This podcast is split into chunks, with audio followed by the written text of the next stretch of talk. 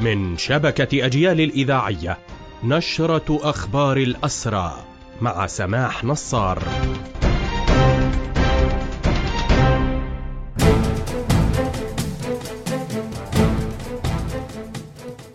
أهلا ومرحبا بكم إلى هذا اللقاء.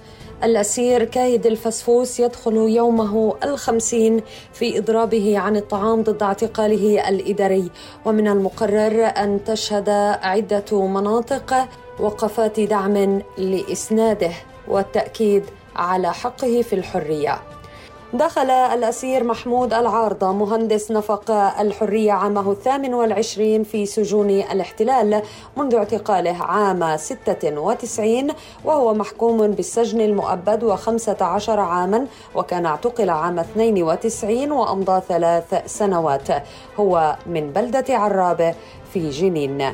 يعد الأسير العارضة من القامات الثقافية والفكرية في سجون الاحتلال وله العديد من الإصدارات الأدبية والفكرية وقد تمكن خلال سنوات اعتقاله من الحصول على درجة البكالوريوس. وفي عام 21 تمكن إلى جانب خمسة من رفاقه الأسرى محمد العارضة ويعقوب قادري وزكريا زبيدي وأيهم كممجي ومناضل انفعات من تحرير أنفسهم من سجن جلبوع.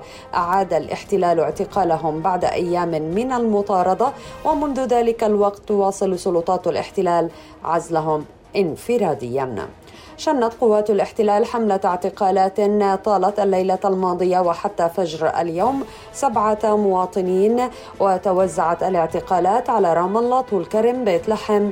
ونابلس هذا في حين يواصل الاحتلال حملات الاستدعاءات والإبعاد عن المسجد الأقصى بحق العديد من الشبان المقدسيين وكذلك المرابطين في المسجد الأقصى المبارك.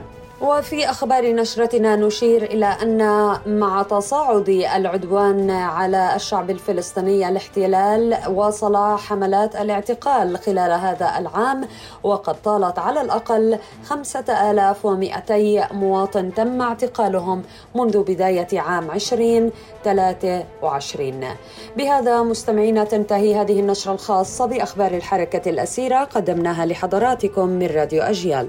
تحية الحرية لأسرى الحرية وتحياتي سماح نصار.